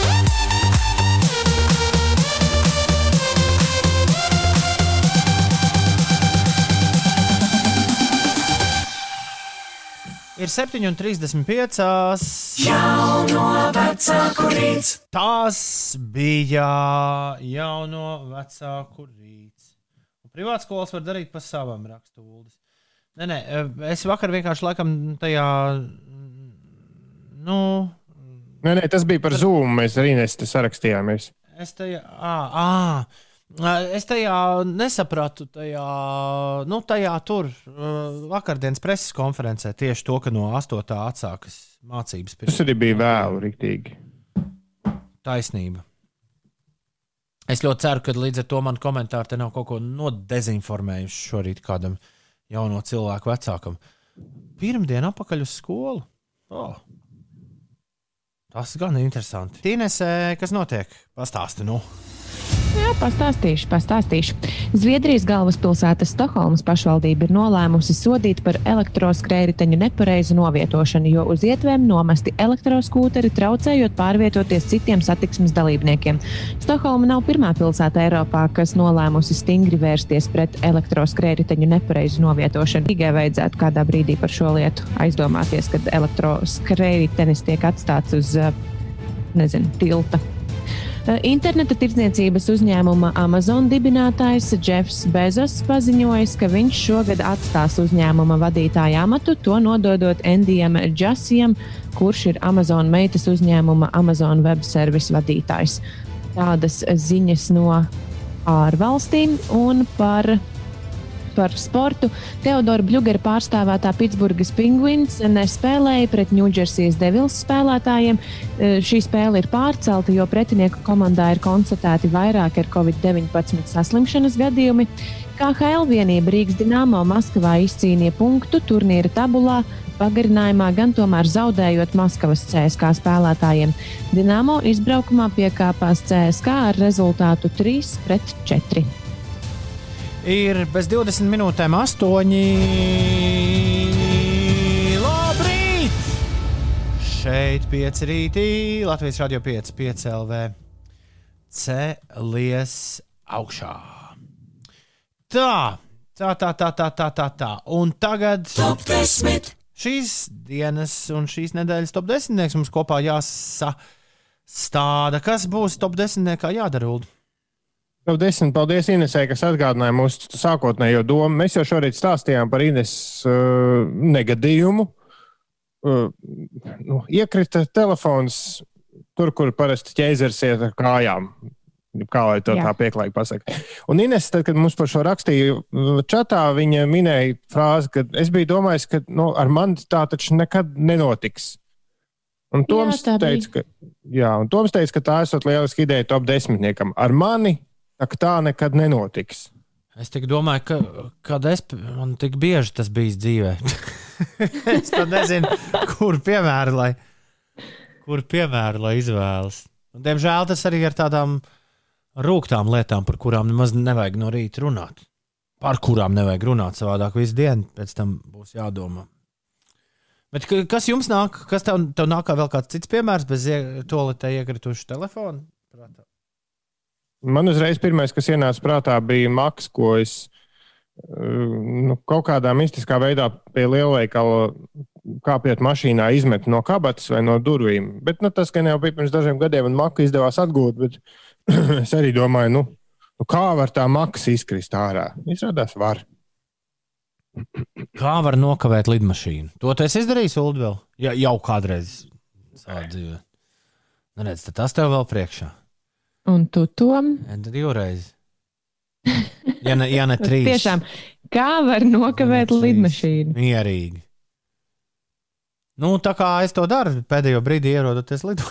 tas tā loģiski. Jā, bet man liekas, ka tu, tu arī ar to diezgan rēķinies. Nu, ka tā ar tevi varētu notikt. Līdz ar to tas īsti nekvalificējas. Ha? Bet man ļoti patīk tā Ines pārliecība, ka viņi tiešām neticēja, ka tas telefons var iekrist podā. Bet var. Tā, tad, tā, tāds apmēram top 10 ideja lietas, kas ar tevi notika, bet par kurām tu biji pārliecināts, ka ar mani taču tā nekad nenotiks. Ar mani tas nekad nenotiks. Top 10. Meklējam top desmitniekā šorīt. Tātad ā, šādas lietas. Zviedrijas Kaspars prasa, vai šis ir kas jauns vai vienkārši nedzirdēts. Uh, relatīvi jauns. Šis nāk no pēdējās uh, Coldplay albuma sesijas. Uh, gabals, kas bija pielikts klāt mm, tam Coldplay dubultu albumam uh, Japāņu uh, bonus versijā un beidzot izlaists Eiropā pērnā gada decembrī. Kā nu sauc to viņa Jordānijas albumu? Oh. Mūsdienās ar internetu dzīvojot, sen jau vairs diskžok, no diskžokai netiek prasīts samācīties albumu nosaukums. Everyday Life, jā, Everyday Life. Mm, Albumā šī dziesma, kuru mēs nu pat dzirdējām, ir bonus gabals Japāņu izlaidumā. Flags ir tās nosaukums. Coldplay bez 9 minūtēm, 8 uh, ir izskanējuši. Skan Latvijas Rādio 5, 5 LV. Labrīt! Un uh, uh, Uldurīnas, kā jums iet? Jā, labi. Slikti man kaķi izgāza liepziedu, ne jeb gaļbikšu vai gaļpiešu te milzīgu virtuvē pa grīdu. Es domāju, kāpēc viņi tik ilgi tajā kastītē viens kārpās? Izrādās, ne, viņi tur ņēmās ar to maisu. tēju kārpās. Jā, jā, jā, viņi tur rīktīgi vārtījās. Jūs smaržot, nu tā gaļbikšu vai kā to sauc. Bet top 10, Nācās. top 10 mums ir gatavs. Tu esi te, ar teijas šmucu sanā, uh, ticis galā. Pa vidu kaut kādas vietas iztrūkst, jo es ļoti ātri visu saliku. Tā, tur, tā kā kāds vēl var paspēt uz 293, 120, atrakstīt. Ja? Un kādus būs arī palaidis garām, jā. Jā, ir diezgan daudz padalījušies savos stāstos. Nu, forši tā draudjam vaļā. Top 10. Šorīt top 10. Nu, ar mani taču tā nekad neatgadīsies. Jā. Un desmitajā vietā ir Tomo, kurš raksta, es nekad nebiju gaidījis, ka ņemot naudu no bankomāta, nepaņemšu naudu. Jo ir bankomāti, kas vispirms atdod kartiņu. Tā nu es paņēmu savu karti, devos tālāk, līdz atskārtu, ka naudiņas tā nav. Besoju atpakaļ uz bankomātu, bet nekā tālu, uh, netālu divi kungi Mm, Jā, laikam uz mana rēķina. Lieki piebilst, ka tā bija mana pēdējā naudiņa, ar kuru vajadzēja maksāt rēķinus. Skaidrā naudā. Kas tad tie par rēķiniem skaidrā naudā? Nu, labi, devītā vieta. Divas ziņas, mīnus un pluss. Mīnus anonīms raksta. Nekad nevarēju iedomāties, ka varētu izšķirties ar sievu. Bet tā notika. Un divi plusi. Aģents raksta, agrāk likās, ka es jau nu nekad neiemīlēšos, bet sanāca. Un reizi vien. Un Rolands raksta, ar mani tas nekad nenotiks. Nekad neprecēšos, jo otro gadu man ir mazākie roku dzelži pasaulē. Un labi, ka tā. Astotajā vietā ir Iveta. Es nekad nebūtu noticējusi, ka vecākais dēls būs skolotājs, jo bērnībā bija nu rīktīgs delveris. Es domāju, ka nemāku izaudzināt labus bērnus, bet nu re, jau divus gadus kā skolotājs. Prieks! Sveicam, Iveta, tevi. Septītajā vietā Linda no Valmieras. Viņa raksta, labrīt, kad vēl bija stāvoklī, domāju, ka man tā nebūs pilna telefona galerija ar bērnu bildēm. Ha, ha, ha, ha, ha! Te tev nu bija. Sestajā vietā kāds anonīms klausītājs, kurš raksta, labrīt, man vienmēr šķita, ka nekad nestudēšu juristos līdz mirklim, kad pēc pāris gadiem pabeidzu juridisko fakultāti. Apsveicam. Piektajā vietā AJ. Jaunībā vienmēr viegli cēlos ar pirmo modinātāju. Pirmā reize, kad nogulēju modinātāju, bija Pasaules matemātikas olimpiāda. Paldies Dievam, vienu dienu pirms sacensībām. Vairs neusticos sev un vienam modinātāju zvanam. Lai tam noteikti, nevajag, tam noteikti nevajag uzticēties nekādā gadījumā. Uh, ceturtajā vietā Oskars. Viņš raksta, mēnesi pirms kāzām ar frēzi urbi ieurbu rokā. Oi! Pie reizes pierādījās, ka teiciens līdz kādām sadzīs nestrādā. Auč! Kode trešajā vietā. Es pati ar savu auto pārbraucu pāri savam mobilajam. Kā to var izdarīt? Wow! Kā gan jau bija nolikt uz jumta, nokrita zemē un sanāca pārbraukt pāri. To es varu iedomāties, to es pilnīgi varu iedomāties. Savukārt, otrajā vietā ir Māris, kurš raksta, ka viņš nekad nebija domājis, ka varētu beigties degviela, kamēr brauc. Jā, šo es arī. Šis ir mans, šis varētu būt manējais, jo man liekas, nu kā tas tā var notikt. Un Ulas ir nolēmis pirmajā vietā ielikt Ilzas sirdi plosošo stāstu par nokavēto lidmašīnu. Es vienreiz esmu ļoti tuvu šai situācijai bijis. Jo pie geita var arī vienkārši aizmigt. Bet Ilza tad raksta, kā var nokavēt lidmašīnu sēžot pie geita, pie vārtiem, izlidošanas elementāri. Ja tu esi Meksikā un boardings tavā reisā notiek no blakus geita, ne tā kā rakstīts skaidri un salasāmas boarding kartes, tevi nesauc nekādā veidā uz lidmašīnu, un arī uzraksts nerādās virs geita. Un neviens no apkalpojošā personāla nerunā angliski. 75% no taviem lidotājiem ir ar ēdienu saindēšanos vai kādu citu kaiti. Un tu pats Tu arī pats arī. Kolēģi, jā. savu savu jūties. Trīs it kā saprātīgi cilvēku sastāvā ar gan lielu pieredzi lidošanā neiekāpām iekšzemes reisā. Nekad, nekad tā mēs nevarētu izdarīt. Izklausās, ka tā ir bijusi tāda jautra lidosta. Nu, ne nu starptautiski, ja tāda tād milzīga. Es arī Jā, par vēl visādiem mums- lidojumiem Irānā un Indijā arī dzirdējis jautrs stāsts, kur tu mēģini saprast, kurā lidmašīnā īstenībā tev ir jākāp iekšā. Bet, uh, Jā, vēl mums bija. Jā, jā, es, jā. Es, es vienkārši nedzirdu, ko tu runā. Tajā es, ne, brīdī, es nerunāju. Jā, mums bija Jānis, kurš. Es varēšu pateikt, vienreiz, lūdzu. Mums Jānis rakstīja, ka viņš ir nogulējis lidmašīnu no Norvēģijas uz Latviju, un uh, savukārt uh, vairāk cilvēku rakstīja par podā iekritušām lietām. Gan telefons, gan atslēgas. Tā ir populāra padarīšana, acīm redzot. Ejot, Tagad es zināšu. ejot uz attēju, jā, lūdzu, bikses, tā teikt, atbrīvo no liekām, liekām mantām un liekām lietām. To jau tu ej tur darīt, jā, bet Cēlies, cēlies, cēlies, cēlies, cēlies, cēlies augšā, un lai kaķi negāž tev liepziedu tējas nekur, nevienā vietā. Toms Grēviņš, Inês Puķek un Ulrichs Ziediņš. Katrs no savām mājām saslēgušies kopīgā radiotiltā, kā ik darbdienas starp 6 un 9 kopā ar tevi šobrīd. Lai arī kur tu atrastos, vai nu kaut kur dzimtenē pie kāda FM uztvērēja, vai pie kādas stūres, vai arī kaut kur pilnīgi citur uz planētas, klausoties mūsu, pateicoties vieninieciņu un nulīšu tiešraidēji. Lai kur arī tu būtu, mēs esam kopā ar tevi. Iespējams, ka mūsu klausās arī kāds netālu no tās vietas, kur vakar raķeti nenosēdās veiksmīgi atpakaļ. Uldis eh, tādu stingzinošu video bija atsūtījis, ko skatīties. Es skatījos jau pamostoties. Tur SpaceX turpina mm, izmēģināt visu Jā. kaut ko. Jā, viņi mēģina savu lielo raķeti, kā to sauc, uh, aizmirsu. Viņi mēģina viņu nosēdināt, un vakar viņiem tas neizdevās. Jā. Nē, nu viņi mēģina viņu arī palaist un laist gaisā, un tas viņiem ir izdevies. Kā tā nosēšanās jau ir tikai viena maza daļiņa no tā visu izmēģinājuma. Katrā ziņā vīrs, kas runāja fonā, bija ļoti optimistisks un teica, ka viss ir, viss ir kārtībā, ļoti daudz datu iegūti. Bet jā, un otrais mēģinājums joprojām nu, beidzies ar raķetes uzsprāgšanu. Aida, Ida un Vida atzīmē šodien vārdu dienas. Martai Grigalei dzimšanas diena, Ventam Armandam Krauklim, uh, bumeranga mūziķim un politiķim arī dzimšanas diena.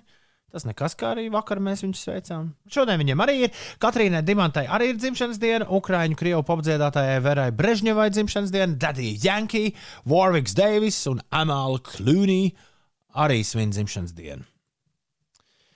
Ir astoņas minūtes pāri astoņiem pareizais laiks. Jā, un ir pienācis laiks man Inesai un Uldim uzdot ļoti svarīgu jautājumu. Un šis jautājums tūdaļ pat arī izskanēs. Dzirdi kā atspēras Latvijas jaunā mūzika - tramplīns. Vai jūs zināt, Ulu un Ines, kas šonadēļ mums ir tramplīnā? Vai esat, vai esat iemācījušies šī mūziķa pseidonīmu? Jā, Teica, mazmeita. nē, es teicu Marka Meita. Marka Meita ir pareizā atbilde. Kas ir šis Marka Meita? Nu, mums jāatbild. Nu, ja nu, 17 gadus vecs, uh, jaunais uh, mūzikas uh, kasuldi. Mu- Mūzikas censonis Tensonis, jā. no Latvijas.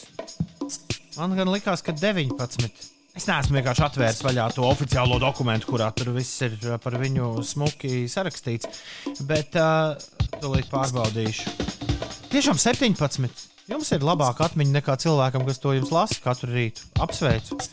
Uh, jebkurā gadījumā jau paspējis uh, iekarot uh, interesi no daudziem uh, slaveniem dīdžejiem, kas spēlē lielos reivos, kā piemēram Dona Diablo un Nikero. Marka Meita šonadēļ ir tramplīnā! Ieskrienies, palicies, lido! Atspēriena punkts jaunajai mūzikai - tramplīns. Atspērs Marka Meita ar dziesmu Jū.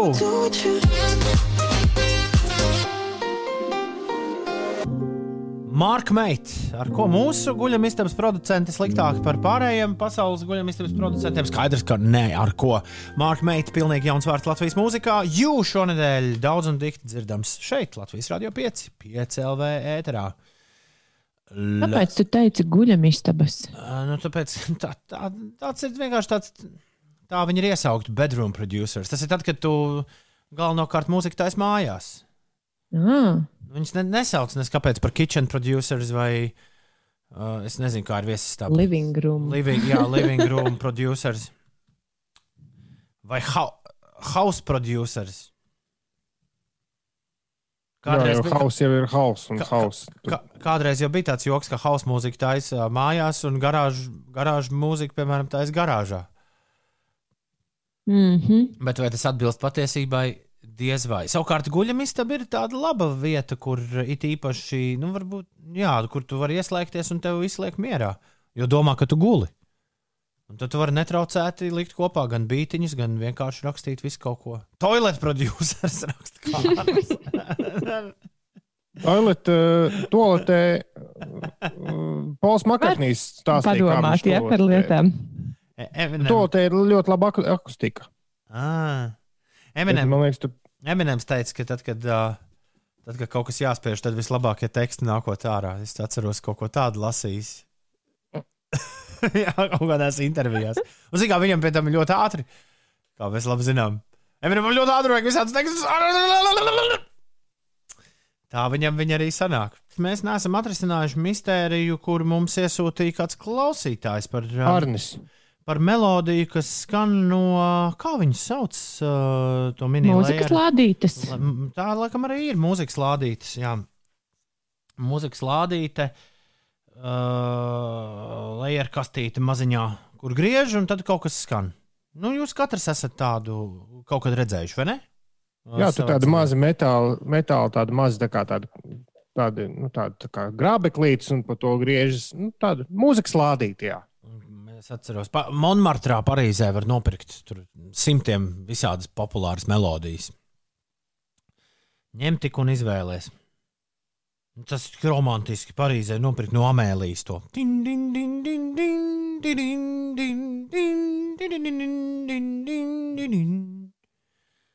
Labi, bet mums ir uh, melodija, kur mēs nevaram atšifrēt, bet Ulas ir pārliecināts, ka tā ir kaut kur ļoti dzirdēta. Man ir variants, un Ines vēl nav pagaidām savas domas Melodija, kur n- ā, savas domas nemaz izteikusi.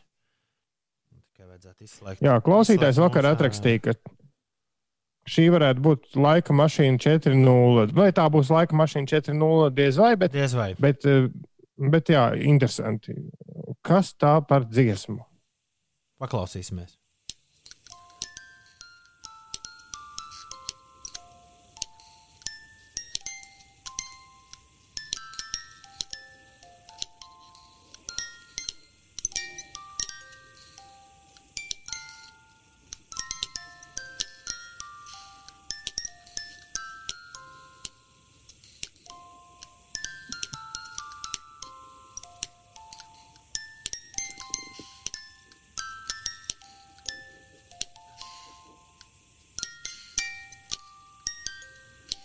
Vienīgais, ko es tur saskatu, vienīgā līdzība ar, ar kādu reālu skaņdarbu ir, ir padziedāšu, kad pienāks tas mirklis. Nevaru es atcerēties, Tagad būs. kas tas tāda, tāda, tāda, kas tas ir, kas tumsā laistās. Jā, bet tur tālāk, gan pirms, gan pēc aiziet viss, viss citā virzienā. Sākumā doma varbūt, ka griež to lādīt otrādi, bet viņi var fiziski otrādi pagriezt. Ko Šazams saka? Razams neķer šādus. Bet tad droši vien varbūt palīdzētu kaut kādā veidā saprast, eh, vai tas cilvēks to mūzikas lādīt ir pirts Latvijā vai ārzemēs. Varbūt Latvijā ir lielāka varbūtība nu, latviešu dziesmas, ka tur būs. Nu tā, tagad visu dienu pa galvu jauksies tā melodija, raksta Lika. Ingūram liekas, ka tas ir nāc ar mani tumsā. es bet tur ir kaut- došu gaismu. Tur ir kaut kāda klasiskās mūzikas skaņdarbs. Jā, man arī liekas. Kaut kāda neizdevusies Ziemassvētku dziesmiņa tā ir. Sviestas domā, ka tā ir britu dziesma. Pagaidām, varbūt viņš komā tur ielicis, varbūt no viņa sekos uh, vēl kaut kāds uh, komentārs. Jā, tātad mēs meklējam rokā, mēģinam palīdzēt Arnim, Mārim. Arnim. Arnim mēģinam palīdzēt un atrast šo. Kas tas ir? Kas laistās? Vēl ir iespēja, ka viņš tiek griezts nepareizā ātrumā. Līdz ar to Jā. tā melodija vēl uh, kļūst. Ļoti sitās arī tās mēlītes. Nu, var dzirdēt, ka tas arī man liekas jauts nost. Jā, jā, jā. Kaut kas no Richarda Klaidermana repertuāra ULDS raksta. Nu, nu, droši vien, ka Klaidermans to ir spēlējis, ja tas ir kāds klasisks skaņdarbs. Bet kas tas ir? 2931, 2020, atrakstiet īsiņu, ja jums ir kāda ideja. Tā ir miega dziesma bērnu rotaļlietā, ērglis raksta. Maniem bērniem no Austrijas atveda. Tieši ar šādu Jā, Jā, bet- melodiju. Tieši ar šādu melodiju. Ērgli ieraksti lūdzu melodiju un atsūti mums.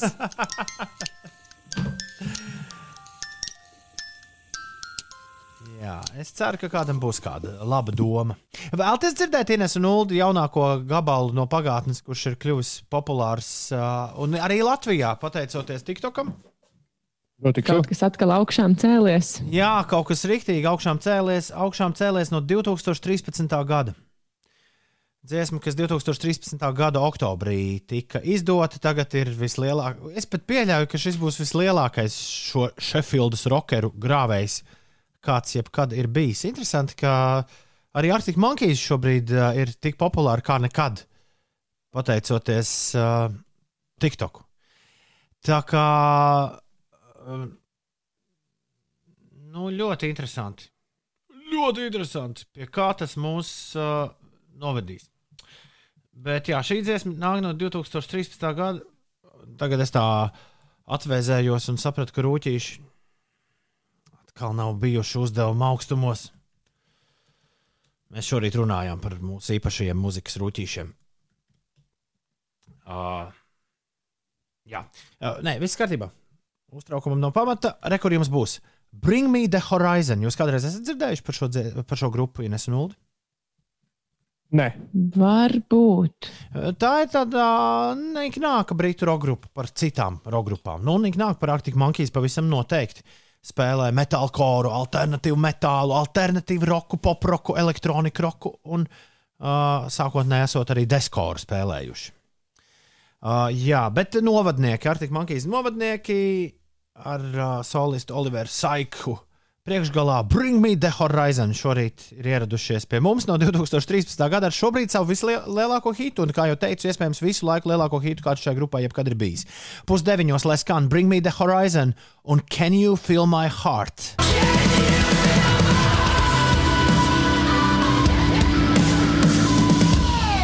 Rekur tev kaut kas zinās, ko skaļāk džeziņā pagriezt tā. Bring me the horizon, feel my heart. Šī tā man skriešanas mūzikas playlist, tikai citā variantā. Izcili no rīta dzirdēt, bring me the horizon, raksta Ārnis. Uh, bring me the horizon, Ilza raksta, katram vārdam dziedāju līdzi. Paldies, ka uzliki! Nav par ko. Es spēlēju lielus hitus, Ilza. Jā, biju uz Bring Me the Horizon koncertu Mad Cool festivālā. Fantastiska mūzika, iemīlējos viņos. Labprāt, viņus dzirdētu biežāk piecēlā vēterā. Tā raksta kāds anonīms klausītājs.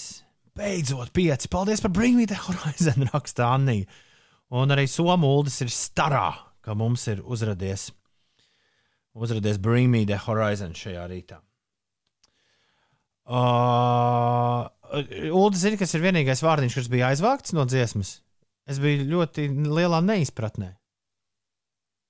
nu, Nu, tāpēc rūtīši man, rūtīši man bija atveduši disku, bet uz diska bija nu, smagi, milzīgiem burtiem rakstīts explicit. Bet vienīgais vārdiņš vākts bija vārdiņš, kurš man nu, nešķiet uh, vācams - bastard. Tā vismaz spriežot pēc mm. dziesmas uh, teksta. Interesanti. Bet mums ir uh, iespējams atrisinājums uh, mūzikas kastītes lietā. Mēs šorīt meklējam uh, melodiju, kuru ja griež šādi. Ja? Uh, mūzikas kastītē. Mēs meklējam, kas tā par melodiju, kas tā ir par dziesmu. Un izskatās, ka mums būs um, izdevies to atrast, jo gan Elīna, gan arī Dzens Sviests ir pārliecināti par vienu un to pašu variantu. Un, ja divi uh, savstarpēji nesaistīti klausītāji ir pārliecināti par kādu variantu, tad varētu sanākt, ka viņiem ir taisnība. Viņi domā, ka tie ir galdnieki. Jā, Jā, mums, ir- mums gan bija iesūtīta arī Kaupera dziesma, Anglijas himna, uh, kāda Nīderlandes zaķīša, mūtenes mūziķiņa, ko es pārbaudīju, bet nebija, nebija īstā. Mums ir atsūtīti galdnieki. Uh, galdnieki bija, galdnieki bija nevis galdnieki, uh, tāpēc, ka viņi bija galdnieki un taisīja galdus, bet viņai uzvārds ir galdnieki. Nu, tā kā būtu Ines galdniece ar Ulu galdnieku kopā, piemēram. Karen Carpenter un Richards Carpenters. Viņi abi kopā šis duets saucās The Carpenters un muzicēja viņi sen senos, sen senos laikos. Un uh, viņi nebija vīrs un sieva, bet siblings. Jeb tas ir Māsa un brālis. Brālis un māsa, māsa? mā- māsa un brālis. Jā, siblings. Viņi bija uh, brālis un māsa. Nu, lūk, un uh, tā īstā melodija. Esot šī, kas tiekot griezta kastītē. Nu, paklausīsimies, vai tiešām tas tā ir. Nu, nu, nu. Nevar. Such a feeling's coming over me. There is wonder in most everything I see. Not a cloud in the sky, got the sun in my eyes, and I won't be surprised if it's a dream. Everything I want the world to be Pam, param, pam, pam. is now coming true, especially for me. Šis arī pateicoties TikTokam, Ines varētu reason is clear. kļūt par uh, Grāvēju 2021. gadā. thing to heaven that I've seen. I'm on the top of the world, Nu, jā, pa. Atļauj noskanēt explanation. bet piedzīvojums nebija tajā kastītē. Jā, laikam nē. Kastītē bija tikai sākums. Es atradu arī pašu uh, Top of the World Music Box kastīti, un tas tiešām sakrīt viens pret viens ar to, ko mums atsūtīja Arnis.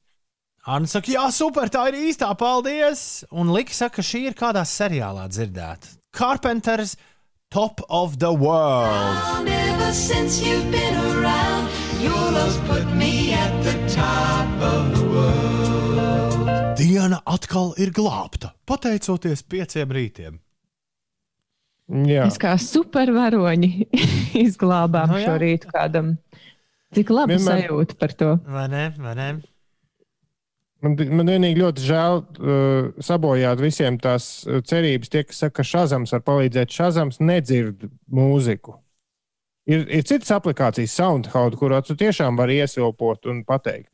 Bet tā viņš Shazam- ļoti reti, kad pasakā tev, tad, kad tu iesvilpo, kas tas ir. Nu, jā, jā, bet nu, viņš vismaz cenšas. Vai, vai, nu, mēs pamēģinājām ar mūzikas instrumentiem, ar ko to gan strādā lieliski. Ja tu iespēlē kādu trompeti skaņdarbu, tad viņš uzreiz pasaka. Nu, jā, bet, piemēram, tā ma- man ir sajūta, es esmu jums to teicis, man ir sajūta, ka latviešu valodas ievada caur balsi, ja datoros eh, uzlabojas burtiski ar katru mēnesi.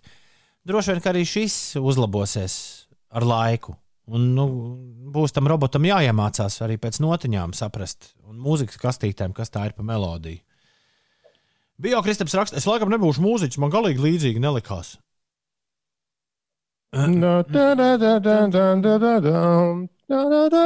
Bija, bija, bija. bija. Jā. Šo dziesmu dzied draugos, kad pazūd elektrība, raksta Zana. es nereiz neesmu neko tādu draugos redzējis.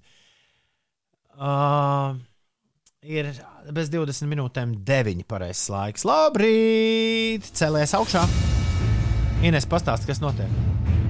Pastāstīšu par mūsu kaimiņu zemi, ko, ko šie izdomājuši. Lietuvā februāra pirmajā nedēļā sākas operas koncertu cikls, kurā daži no slavenākajiem kaimiņu valsts operas dziedātājiem uzstāsies tukšā zālē tikai ar viena skatītāju eh, dalību tur.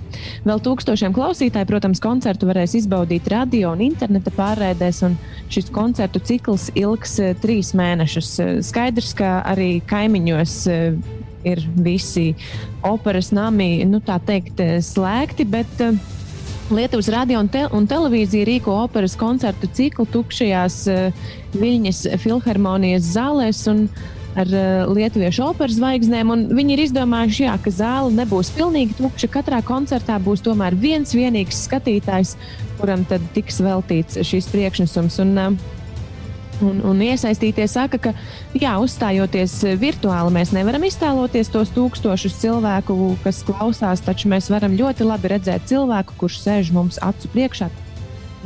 Uzaicināt tieši vienu klausītāju uz eh, šādu lielu koncertu.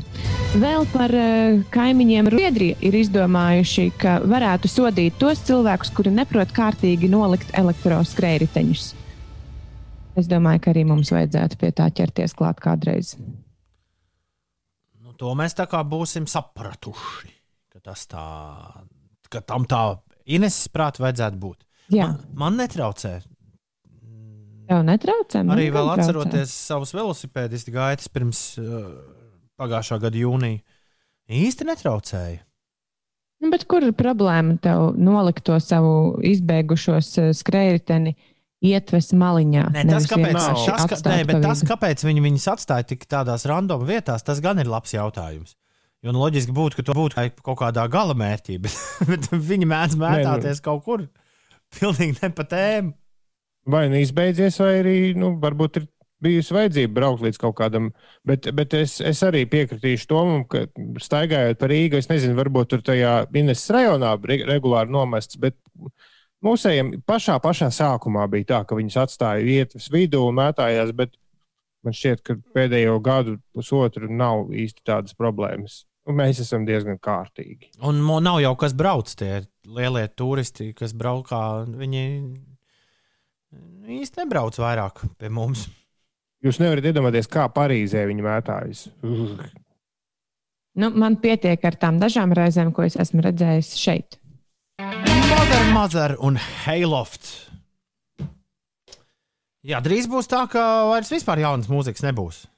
Visi būs gabali, kurus mēs atskaņosim no rīta no, no senatnes.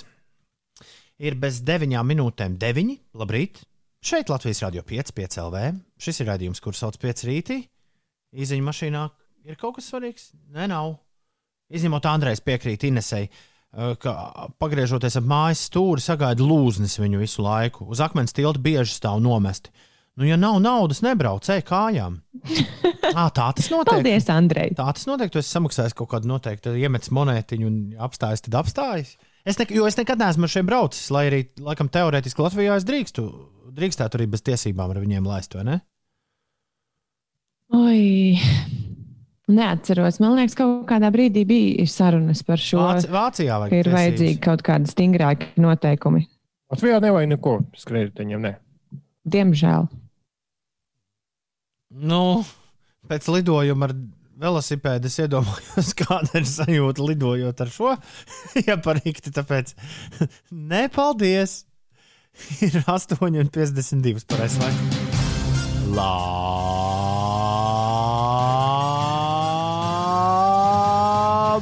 labrīt, labrīt, labrīt, labrīt, labrīt, labrīt, labrīt, labrīt, labrīt, labrīt, labrīt, labrīt, labrīt, labrīt, labrīt, labrīt, labrīt, labrīt. Tagad būs interesantās ziņas, kā katru rītu šajā mirklī.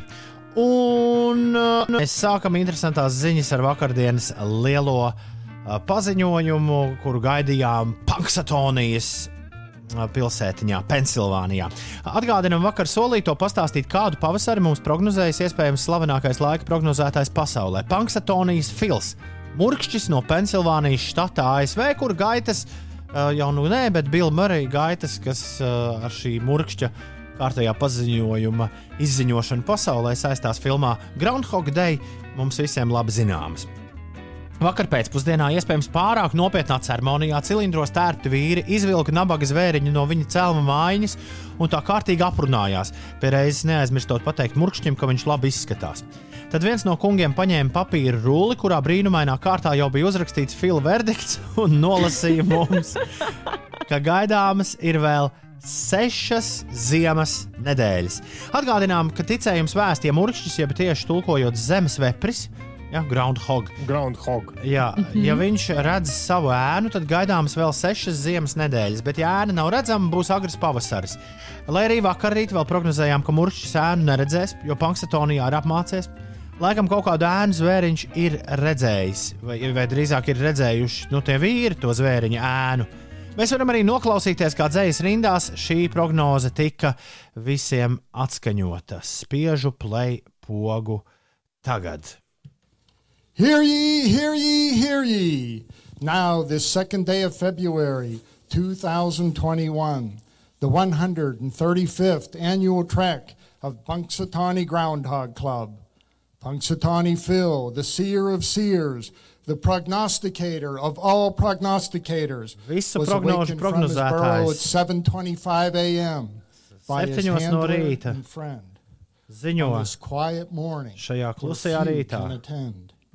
In Groundhog He's, Phil directed the president and the inner circle to his prediction scroll that reads, It's a beautiful morning that can see with all my fans viewing virtually. un visi My mani fani faithful skatās followers being virtuāli. safe and secure. Visi, kas man sako, ir tradition of Groundhog Day drošībā, must endure. murkšķu dienā We have all jānotiek. passed through the darkness of night, but now see hope Mēs esam bijuši tumsā, morning's bright light. bet rīta gaismā redzam now, ceru. when I turn to see, Un tagad es there's a perfect shadow redzu, cast of me. ir Six more weeks of winter there will be. un sešas nedēļas vēl ziemā turpināsies. Gentlemen, happy Groundhog Day. Interesanti, ka tur joprojām arī spēlē Franka Jankoviča Pensilvēnija polka, ko atskaņo filmā. Regur vakar uzreiz pēc ceremonijas Ines aizgāja šis te Pensilvēnija. Es vakar mazliet paskatījos to ceremoniju, ko Ulas atsūtīja. Nu, ļoti mīlīgs pasākums. Un jūs esat dzīvē redzējuši mūrkšķi. Nē, Nē, jābrauc uz ā- liepājas pusē.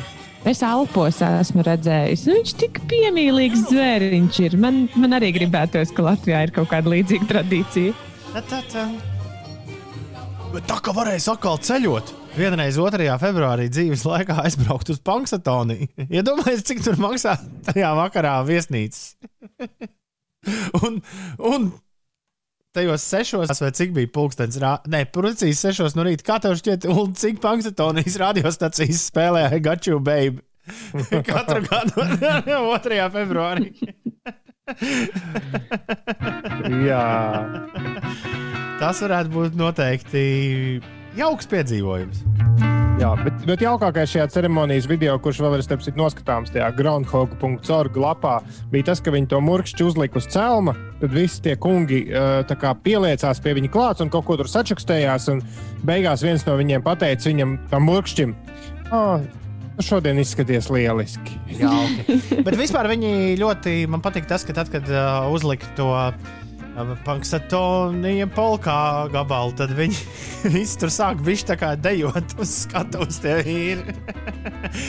Pagājušā gada rudenī pasauli nedaudz satrauca, jo bija daudz nopietnākas lietas, par ko satraukties pa īstam. Jaunumi no Spotify nometnes, mūzikas un podkāstu servises ir patentējuši tehnoloģiju, kas ļaus izmantot dažādus datus, lai noteiktu klausītāju noskaņojumu un ieteiktu viņam piemērot mūziku vai podkāstus vai reklāmas. Un tagad atklājušās jaunas patenta detaļas, un kā izskatās, Spotify plāno spērt soli tuvāk zinātniskajai fantastikai.